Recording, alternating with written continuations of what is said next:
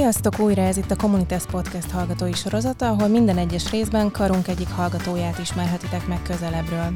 A ti ajánlásaitok alapján beszélgetünk olyan jákosokkal, akik fontos szerepet vállalnak a kari közösségi életben, kiemelkedőek tanulmányaikban, valamilyen szabadidős tevékenységben remekelnek, és vagy érdekes a történetük.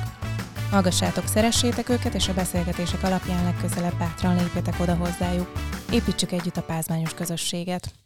Mai napon Farkas Katinka, negyedéves jogász hallgató a vendégünk, akiről két hallgató az alábbiakat írta. Katinka az egyik legkedvesebb, legsegítőkészebb, legodaadóbb ember, akit csak volt szerencsém az egyetem alatt megismerni. Szorgalmával és elhivatottságával nem csak a többi hallgatót, de biztos vagyok benne, hogy a Gráduszet fakultáten magyar óráin résztvevőket is folyamatosan inspirálja. Egy másik hallgató véleménye nagyon értékes, önzetlen, empatikus és elképesztő művelt. A derűs, komolytalannak tűnő külseje, nagy bölcsességet és egy aranyszívet rejt. Biztos vagyok benne, hogy most zavarba jöttél ezektől a gondolatoktól, és nem is túl praktikus azzal indítani egy interjút, hogy egy ilyen nagy nyomást helyezünk az interjú alanyra. Minden esetre azért remélem, hogy ezen túl tudunk gördülni. Sok szeretettel köszöntelek. Én is nagyon köszöntök mindenkit, minden kedves hallgatózót, és hát nem, nem látjátok, de egyébként itt irulok, pirulok, mert olyan szépeket írnak a barátaim, és egyébként tudom, hogy kik írták ezeket, szóval így a fejemben így elő, elképzelem most őket, és, és nagyon megszeretgetem, szóval nagyon köszönöm nektek, hogyha hallgatóztok. Valószínű, hogy többek között ez a közösség is az, ami nagyon megtart itt téged a pázmányon, és majd erről is fogunk beszélni. Minden esetre, amikor korábban beszéltünk róla, hogy egyébként te hogyan is kerültél ide, vagy mi volt az, ami meghatározó volt, akkor többek között az edukációt említetted. Úgyhogy most kérdeznélek téged úgy is, mint aki annó középiskolásként jelentél meg az edukáción, hogy milyen élményeid voltak, milyen benyomásaid voltak a pázmányról, miért döntöttél a pázmány mellett, és hogy aztán milyen volt a pultnak a másik oldalán állni, hiszen ott is találkoztunk már egy párszor. Én 12-es, 2019-ben voltam, szóval még a Covid előtt, és akkor még így minden nagyon laza volt, és, és nagyon sok ember volt az edukáción, és, és nagyon sok standhoz oda mentem, és a pázmány így nem tudom, a sokadik volt, de nem prioritás kérdés volt ez, csak hogy ott sokan álltak, és akkor így körbesétáltam máshol is. Nagyon-nagyon hosszan beszélgettem a Gradus akkori elnökével, Fruzsival, és kb. ilyen 40-50 percen keresztül csak így, így beszélgettünk egymással, és annyira pozitív élmény volt az egész, és annyira tényleg azt éreztem, hogy ő is így érdeklődik irántam, ami hát pedig én voltam a 90. ember, akivel aznap beszélt, és, és mégis annyira jó, jól kommunikáltunk, meg jól, jól beszélgettünk az egész idő alatt. És nekem ez egy annyira maradandó élmény volt, és annyira hálás voltam neki ezért, hogy azóta mindig, amikor így visszamegyek a, az edukációra, akkor én is próbálok ez az, ez az arc lenni, és ezt a pázmányos nyitottságot így sugározni az érdeklődők felé. És miért a jog? Már eleve az edukáción csak olyan helyekre mentél oda, amelyek jogi képzéssel foglalkoznak? Nem, voltam bölcsészkarok standjánál is, mert az egyik a jog volt, és ezt mindjárt később szívesen elmondom, hogy miért. A másik pedig a magyar szak volt, ami így érdekelt, és végül arról így lebeszéltek a bölcs szüleim, mert mondták, hogy azért a jog az csak egy olyan szakma, egy olyan, olyan hivatás, amit így kicsit stabilabb lábakon állok vele. Egyébként nem ők győztek meg, mert, mert ők nem jogászok, meg ők igazából így, így mindenben támogatnak, szóval, hogy akármit mondtam volna nekik, ők tudom, hogy támogattak volna, hanem inkább az győzött meg, hogy azt éreztem, hogy a legjobban tudok segíteni az embereken, és ez nagyon ilyen nyálasan hangzik szerintem, vagy mindig nagyon bénán érzem magam, amikor ezt mondom, de, de tényleg azt érzem, hogy a jog ez egy egészen hasznos tudás, meg egy egészen hasznos szakma, de, de közben meg ezzel lehet szerintem a legtöbbet így úgy segíteni, hogy, hogy közben az embernek nem kell orvosnak lennie. Mindig elkápráztat, hogyha valaki orvos tanhallgatóval beszélgetek, de sajnos nekem nem az volt az utam, és én ezt nagyon régóta tudom, mert hajlamos vagyok elájulni sajnos. Pedig azt, azt is nagyon szerettem volna, és akkor így a jog az, az így úgy tűnt, hogy, hogy tudok segíteni sokat, vagy hát a legeffektívebben. Minden hallgatónak egészen más az életútja, egészen onnantól kezdve, hogy eldönti, hogy ezt szeretné, vagy valamennyire determinálva van nála, hogy a jogi képzésre jöjjön, és hogy aztán a képzés alatt milyen fázisai vannak. Egyre többször látom egyébként a segítő beszélgetések alatt, mint hogyha ez a, az életközepi válság, az mint hogyha az egyetem közben is megjelenne. Itt a harmadév környékén van egy ilyen egyetem közi válság, vagy nem tudom, tehát hogy afelé tartunk, hogy hogy jön egy ilyen pont, ahol megkérdőjeleződik az, hogy már van benne annyi energiám, hogy nem biztos, hogy érdemes abba hagyni, de még azért van annyi hátra, hogy érdemes megfontolni, hogy ugyanennyit tudnék-e beletenni. Neked ez az utat hogy alakul? Nekem ez a, ez a válság, ez a másodéves koromban így elég hamar letudtam, mert nagyon sokszor sokat gyára sikerült átmennem büntetőjogból, és ez megtanított egyébként nagyon sok mindenre, szóval azóta azt érzem, hogy sokkal lazábban veszem a vizsgákat. És, és nem ajánlom senkinek, hogy jó sokszor megbukjon büntetőjogból, de hogyha tényleg nekem ez kellett ahhoz, hogy most így a, a nagyon nehéz harmadévet, a híresen, híretten nehéz harmadévet úgy teljesítsem, hogy nem annyira fájt, vagy szóval nem esett jól, meg sokat tanultam, de, de hogy nem, nem stresszeltem túl, és szerintem ez azért volt, mert akkor így láttam, hogy mi van a, mi van a másik oldalon, és hogy fel tudtam állni, és, és láttam, hogy azok is, akik, akik velem együtt küzdöttünk, és, és azóta is tartjuk a kapcsolatot, rajtuk is azt látom, hogy, hogy senkinek nem esett jól az az LV időszak, de, de hogy átmentünk rajta, és, és sikerült, és leküzdöttük, és, és ezért most ez ad egy magabiztosságot talán, hogy, hogy azért nincs, nincs veszve minden, hogyha elsőre vagy akár másodjára nem sikerül, mert tényleg én, én nagyon hálás vagyok, hogy van ez az egy ilyen elővizsga időszak dolog, és, és megpróbálhatjuk még, és, és tényleg nem okozott különösebb hátrányt nekünk így a későbbi tanulmányaink során. És hát igen, ezt a harmadévet pedig én már így ennek a tudatában, vagy ennek a tapasztalása után teljesítettem többé-kevésbé sikeresen, szóval Szóval talán nekem ezért ez így másodévre előre szaladt. És hol tartasz abban, hogy mivel fogsz foglalkozni, vagy mi az a jogterület, ami különösen érdekel, vagy hogy mi lesz ezzel az elhatározással, amivel idejöttél? Igyekszem nyitott lenni, és igyekszem úgy bemenni az óráimra, és úgy bemenni a gyakorlatokra, hogy, hogy aktív leszek, és, és, és tényleg nyitott mindenféle jogterületre, és tényleg vannak olyan gyakorlatok, meg olyan órák, amiket kifejezetten élvezek. Például a nemzetközi közjog tavaly egy ilyen meglepetés volt számomra, hogy, hogy mennyire izgalmasnak tartottam végül, pedig nem számítottam rá, de alapvetően nekem most az a célom, hogy, hogy um, befejezem a jogi tanulmányaimat ötöd év végén remélhetőleg, és utána magyar történelem szakos tanár szeretnék lenni. És hosszú távon van elképzelésed arról, hogy ezt a két területet hogyan lehetne összekötni? Nyilván a magyar és a töri nem áll olyan messze a jogtól, hiszen a Gráduszat fakultátemben is többek között ezekre az érettségikre készítitek fel a középiskolás hallgatókat, de hogy van esetleg olyan speciális elképzelésed, hogy ezt utána hogy fogod tudni kamatoztatni? A rövid válasz az, hogy nincsen. A hosszú válasz az, hogy, hogy igyekszem ezzel kapcsolatban is így nyitott szemmel járni, szóval én elképzelhetőnek tartom, és igazából ezért veszem rá folyamatosan magam, hogy így végezzem a jogot, és, és érdeklődjek, és legyek nyitott, mert el tudom képzelni azt, hogy most nagyon szeretnék tanítani, és most, most nekem ez az álmom, hogy, hogy taníthassak, és miután nem tudom, tanítottam x évet, vagy, vagy nem tudom, valahogy az életemben majd úgy fogja hozni a, az életem, hogy,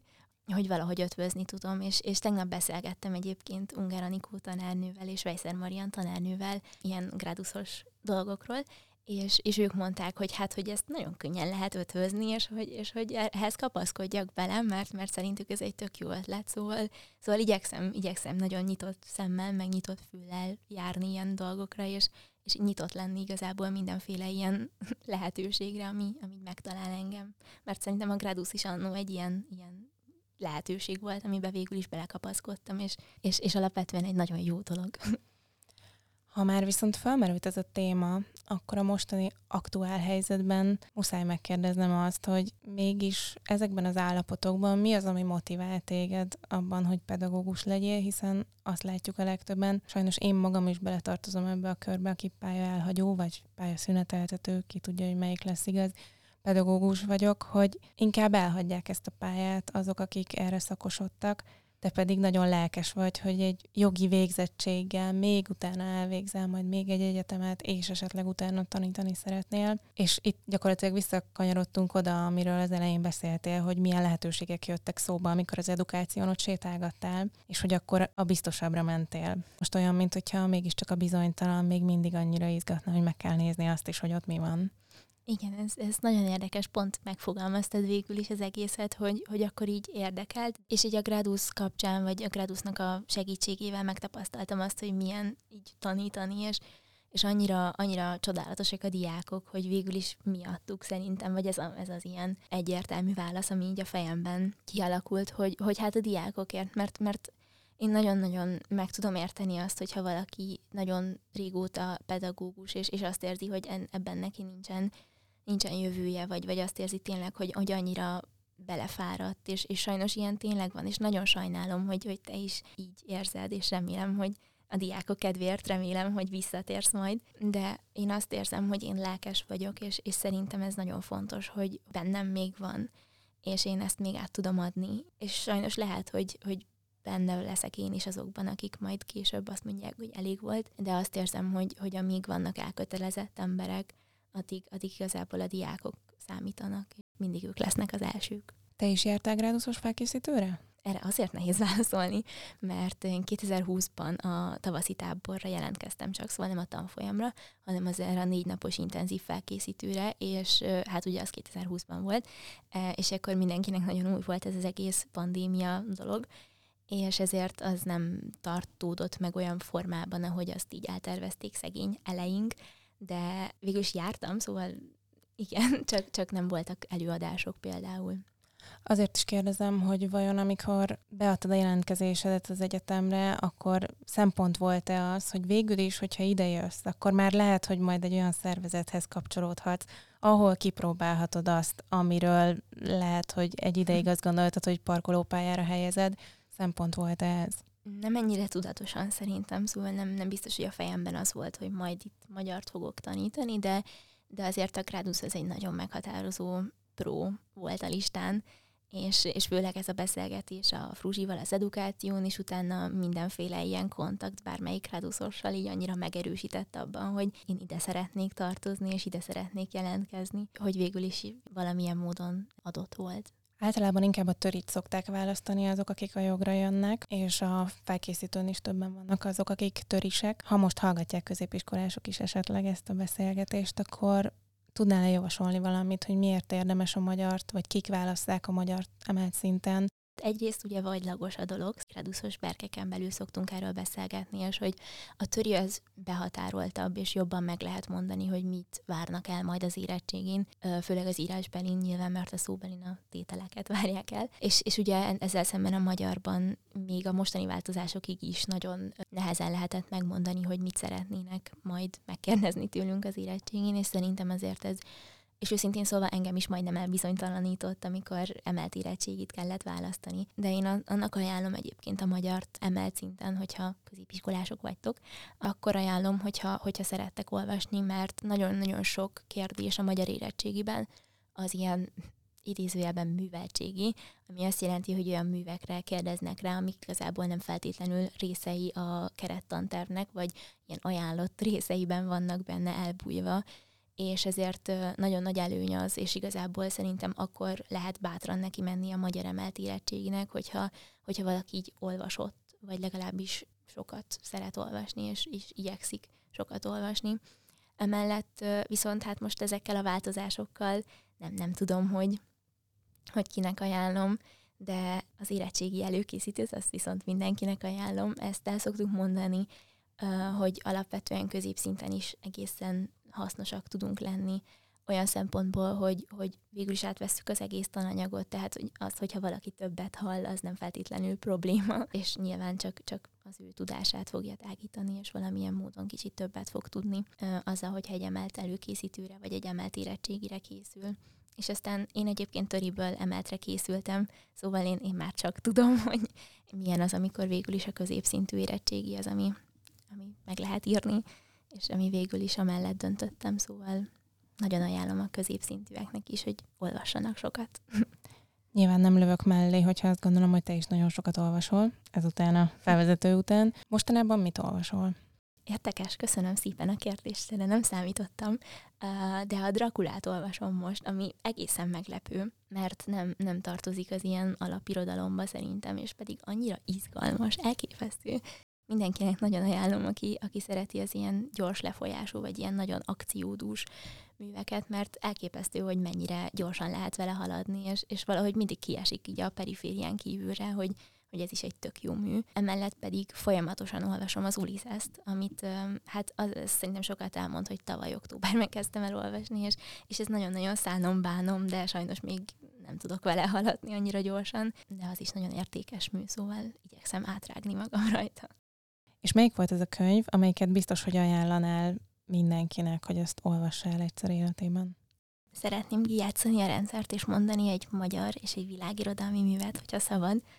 A magyar irodalomból egyértelműen Szerbantal utas és Holdvilág című művét ajánlom mindenkinek. Szerintem ezt nagyon nem is kell magyarázni. Aki olvasta, az tudja, hogy miért, aki nem olvasta, az olvassa el, és megtudja, hogy miért mondom ezt. Ancsa egyébként velem szemben hatalmasakat bólogat, szóval, szóval úgy érzem, hogy, hogy megtaláltam a, igen, nagyon szeretem én is, és csak azért is nevettem fel, mert pont tegnap sétálgattunk a Vörös Marti tér környékén, ahol felhívta a figyelmemet az egyik ismerősöm rá, hogy kikerült egy tábla oda két évvel ezelőtt, hogy abban a házban született Szerbantal. És én se tudtam, tehát elmentem volna teljesen észrevétlenül mellette. Csak ezért is nevettem, mert amúgy nagyon-nagyon szeretem, többek között az olaszországi kötődése miatt is, és azt gondolom, hogy tényleg irodalmilag is egy, egy szuper mű. És valaki egyébként pont nemrég egy interjúban szintén megemlítette, hogy ha valamit, akkor azt, azt mindenképpen el kell olvasni. Úgyhogy, úgyhogy saját tapasztalat alapján is, és más ajánlása alapján, és emiatt a tegnapi kötődés miatt is nagyon bólogattam. Igen, illetve azért érdekes még, mert így, így a NAT szempontjából, így az alaptanterv szempontjából is érdekes, mert Szerbantal nem szerepel benne, és, és pedig annyira tényleg annyira tökéletes az a mű, és, és szerintem nagyon egyszerű a nyelvezete, szóval nem kell nagyon koncentrálni, hogy, hogy megértsük, hogy mit akar mondani, és, és tényleg Mihályjal utazunk, és ez annyira, ez is ilyen annyira klisésen hangzik, de, de tényleg Mihályjal utazunk a vonaton, és, és szállunk le vele,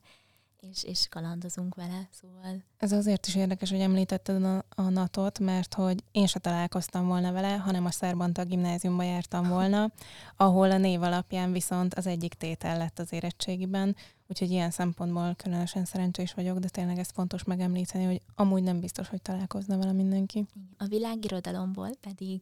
Emily Bronte üvöltőszelek című művét ajánlom mindenkinek, és ez um, picit személyes kötődés miatt is. Nekem ez volt az első kötelező olvasmány, amit nagyon élveztem, szóval én, én elolvastam becsülettel a legtöbb kötelező olvasmányt, vagy legalábbis igyekeztem megismerni mindet, de valahogy ez volt az első, amit így azt éreztem, hogy, hogy hát ezt, ezt nagyon-nagyon szeretem, és nagyon sokszor szeretném még elolvasni, és azóta minden nyáron egyszer elolvasom, mert, mert annyira, annyira szeretem, és, és nagyon jól lehet rajta vitázni, hogy, hogy Heathcliff igazából milyen karakter. Szóval, hogyha valamelyik kedves hallgató szeretne Heathcliff természetéről egy jó diskurzust folytatni, akkor én, én állok rendelkezésre, mert szerintem ő egy olyan karakter, akit eléggé félreértünk, vagy félreismerünk a, a műsorán. Illetve eszembe jutott még egy, az ember tragédiája. Ez is teljesen egyértelmű okokból, csak, csak úgy éreztem, hogy, hogy szerepelnie kell még ebben a felsorolásban az ember tragédia is nagyon izgalmas számomra, amikor visszamentem hospitálni még a tanulmányaim alatt, akkor lyukadtam ki egy olyan órán, ahol az ember tragédiájával foglalkoztak, és rájöttem, hogy ez egy olyan mű, amit az embernek többször érdemes elővenni az életében, mert hogy egészen más az, amikor már egy csomó tapasztalattal, csomó tudással olvassuk, vagy értelmezzük ezt a, ezt a regényt, meg amikor már a világban esetleg láttuk ezeket a helyeket, ahol játszódik, mint amikor csak megkapjuk elsőre, és akkor kell valamit kezdeni vele. Azt hiszem, hogy vannak olyan művek, amiket érdemes újra és újra elolvasni, mert egészen más jelentése lesz. Igen. Az ember tragédiáját szerintem nagyon korán tanuljuk, és, és ezért, amikor én is tizedikben elolvastam, és, és hát elolvastam becsületesen, de, de őszintén nem, nem hatott annyira meg, és nem is értettem, hogy mi ez a nagy ember tragédiája, őrület itt a, az irodalom tudósok körében, és aztán újra és újra elolvasom, és, és hál' Istennek tudtam egy előadást is tartani belőle tavaly a tavaszi táborban, és akkor értettem meg igazán, hogy mi ez, és, és nagyon nehéz úgy megfogni, hogy a kis gimnazistáknak, vagy tizedikben így valahogy át lehessen adni, szóval szerintem ezért érdemes több esélyt adni a műveknek, többször is elkezdeni megpróbálni olvasni, mert, mert lehet, hogy egy más életszakaszban teljesen más üzenete van számunkra. A könyveken kívül viszont a zene is fontos része volt egy ideig az életednek. Most nem tudom, hogy éppen mennyire van jelen, de hogy fúvaláztál is, illetve egy fúval zenekarba is játszottál. nem is akárhol, többek hm. között például a Debreceni Virágkarneválon is, ami ugye egy egészen másik típusú zenélés, mint amikor csak a széken ül az ember. Milyen élményeid vannak ezekkel az időszakokkal kapcsolatban? Nem tudok negatív élményeket, vagy tapasztalásokat így, így behozni. Persze nem volt kellemes 40 fokban sétálgatni, és közben így zenét kiadni, de, de annyira, annyira jó volt, hogy tényleg 60-70-en voltunk a zenekarban, akik meneteltünk, vagy vonultunk, és mindannyian így egyszerre léptünk, és, és egyszerre élveztük, és, és szerintem ezt, aki zenélt, vagy zenekarban esetleg játszik, az, az teljesen meg tudja érteni, azt érzem, mert tényleg annyira, annyira más, és annyira annyira jó, szóval, szóval én nagyon nehezen tudok um, mostanában nem visszamenni szombatonként a zenekari próbákra, és annyira nehezemre esik, hogy, hogy így búcsút mondjak igazából, vagy múlt időben beszéljek arról, hogy zenéltem, de sajnos igen, most már, most már nem zenélek, néha még vissza-vissza járok, de, de, de sajnos nem. Viszont ezzel kapcsolatban nagyon érdekes élményem volt a héten mert az egyik reduszos kis barátommal beszélgettünk, és kiderült, hogy ő trombitált zenekarban. És legalább egy ilyen másfél órán keresztül csak így, így, így hatalmas lelkesedéssel meséltük egymásnak bizonyos tapasztalatainkat, és aztán jöttünk rá arra, hogy ugyanazt éltük meg. És talán itt, itt érződik igazán az, hogy a zene mennyire össze tudja kötni így az embereket, és ez is végtelenül nyálasan hangzott, elnézést kérek, de, de tényleg ezt érzem, hogy, hogy, hogy nagyon sokat tudtunk róla beszélni, és nagyon lelkesen, és, és nagyon azt érzem, hogy így összekötött bennünket, szóval, szóval szerintem aki, akinek van bármilyen kapcsolata a zenével, azt, azt remélem, hogy ezt így érti és átérzi. Én egy kicsit már el is kezdtem gondolkodni a Jákos zenekar, vagy szimfonikus zenekar ötletében már többször felvetettem, hogy szerintem szuper lenne, mert biztos vagyok benne, hogy egy csomó hallgató van, aki Igen. egyébként játszik hangszerem, úgyhogy már két hangszer megvan, én egy szakszofonnal tudok hozzájárulni, úgyhogy már hárman akkor lennénk ebben, bárki, aki ezt hallgatja, jelentkezzen, hogyha játszik hangszeren. Ha viszont Debrecen, akkor nem mehetünk el amellett sem, hogy az egyik legfontosabb központja a reformációnak, és említetted nekem azt is, hogy te református vagy, és így vagy itt egy katolikus egyetemen. Már az elején említetted, hogy edukáció és jó beszélgetések és hasonló, de hát anélkül, hogy én most el szeretnélek küldeni innen, de hogy akkor hogy, hogy nem Károli, és hogy hogy éled ezt meg itt az egyetemen? Anélkül, hogy bárkit meg szeretnék ezzel bántani, nekem a, a Károli nagyon kiesett a, a választató egyetemek közül, szóval én, én a Debrecenit jelöltem még meg, vagy így azt figyelgettem, és, és én a Károliról nem is hallottam első éves koromig, ami elég kínos, és tényleg szégyellem magam ezért, és tényleg bocsánatot kérek, de hogy nekem, nekem ez így nem is, nem is jött a figyelmembe. És hát azért a pázmány, mert, mert bár nem református, de, de vallásos, és én meg Szabó Magda régi gimnáziumába jártam a Dúciba,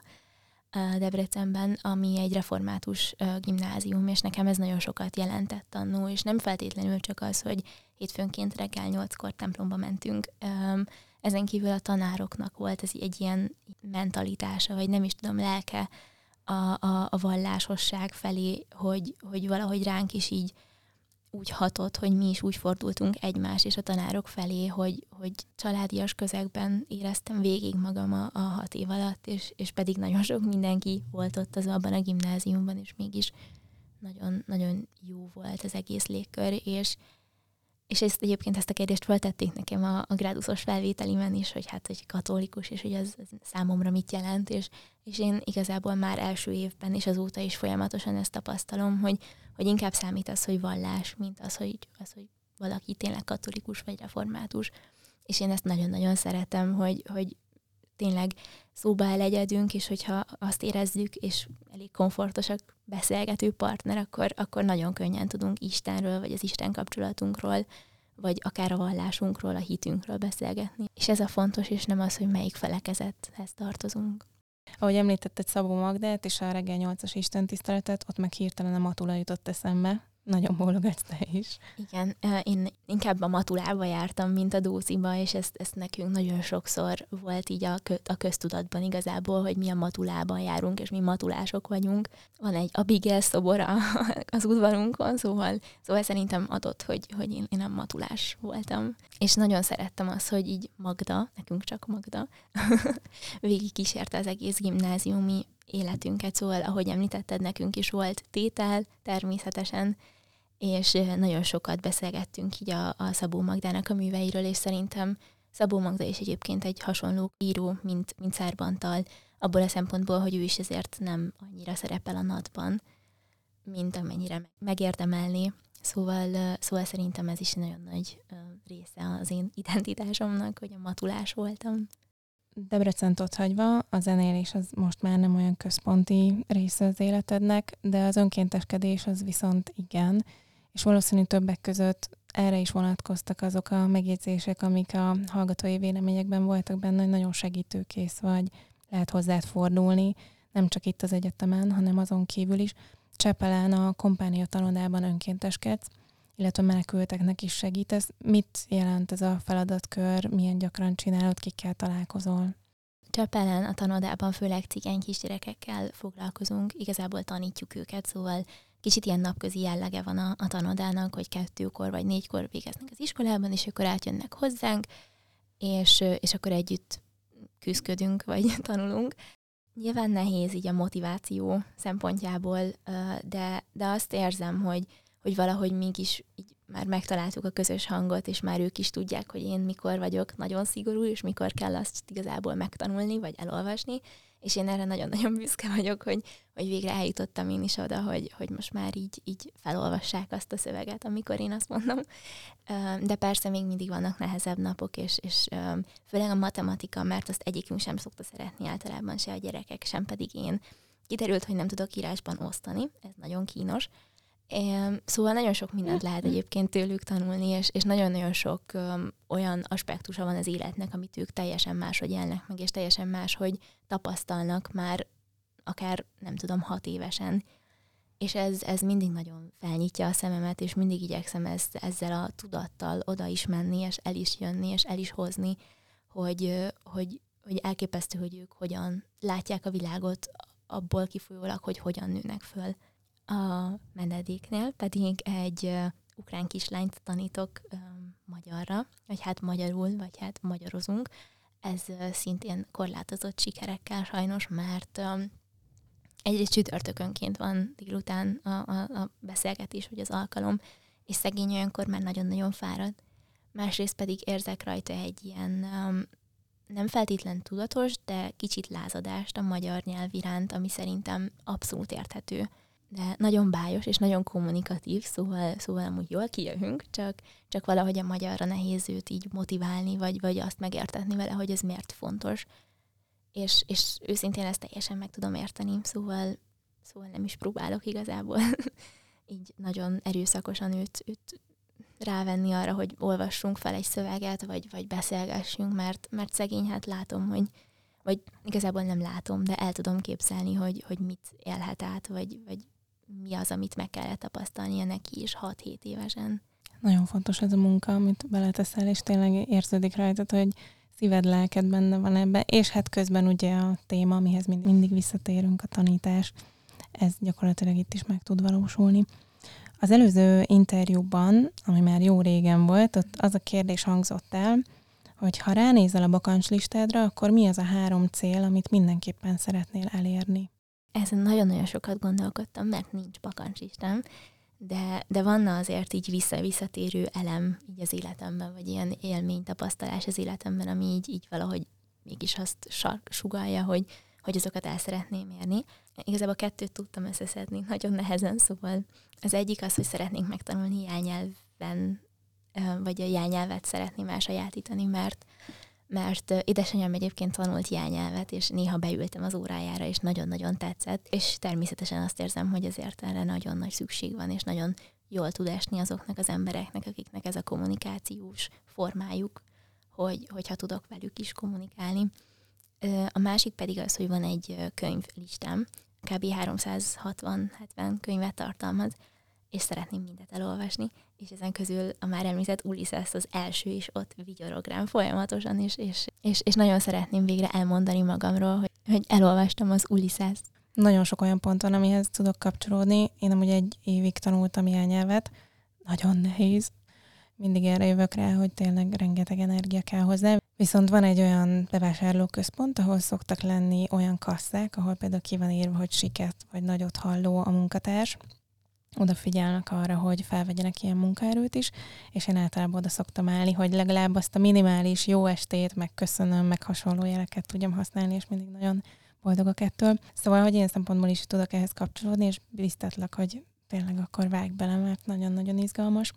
És szerintem még órákat tudnánk beszélni, de lassan az interjú végére érünk. Neked mi lenne a kérdésed, amit mindenképpen szeretnél feltenni? Én egy nagyon önző okból szeretném feltenni ezt a kérdést. Azt szeretném kérdezni, hogy mi az, amiben te, kedves következő interjú alany, kiemelkedő vagy, kiemelkedően jó, nagyon-nagyon, mi az, amit nagyon-nagyon értékesnek tartasz magadban, és ennek zárójelben az az oka, hogy, hogy szerintem nagyon nehéz ezt néha kimondanunk magunkról, és tudom, hogy ez most nagyon gonosz szól hangzik, hogy, hogy én erre szeretném sarkalni a kedves számomra még ismeretlen interjú alany, de szerintem, szerintem értékes ember, akárki is, és, és nagyon fontos, hogy ezt kimondhassuk magunkról, és kimondjuk magunkról, hogy miben vagyunk értékesek. Meglátjuk, mit fog reagálni, vagy mit fognak reagálni, mert hogy következő interjúban több interjú alany is lesz. Ez még meglepetés mindenki számára. Van-e valamilyen tanácsod a hallgatóinknak? Nem teljesen az egyetem berkein belül, de úgy összességében a világban de, de főleg az egyetemen belül uh, azt szeretném tanácsolni, és ez egyébként nagyon nagy felelősség, hogy valamilyen okosat mondjak most, de azt szeretném tanácsolni, hogy, hogy éljétek meg ezt az egészet, mert, mert szerintem annyira menő, és annyira jó, hogy itt vagyunk az egyetemen, és, és a, a pázmányon, és, és mindannyiunknak valószínűleg álma volt, hogy ide bekerüljünk, és, és éljük meg ezeket a, a pillanatokat, és, és mosolyogjunk egymásra, és, és köszönjünk egymásnak, és, és nem tudom, aktívkodjunk, és, és szeretném én is elmondani azt, hogy szerintem a hallgatói szervezetekhez való csatlakozás ennek egy tökéletes megnyilvánulása, mert, mert tényleg életre szóló barátokat lehet szerezni, nem feltétlenül csak hallgatói szervezetekben, hanem itt az egyetemen is. Köszönjük, hogy velünk tartottatok. A kommunikációkukacia.ppk.hu e-mail címen, vagy a közösségi média felületeinken ti is jelezhetitek, hogy szerintetek kinek a történetét lenne érdemes megismerni. Köszönöm, Katinka, hogy itt voltál, és meséltél magadról. Ne felejtsétek el, hogy megkereshetitek, ha az üvöltőszelekről szeretnétek beszélgetni, vagy bármilyen egyéb témáról, ami itt elhangzott. Legyen szép napotok, sziasztok! Köszönöm, hogy itt lehettem. Sziasztok!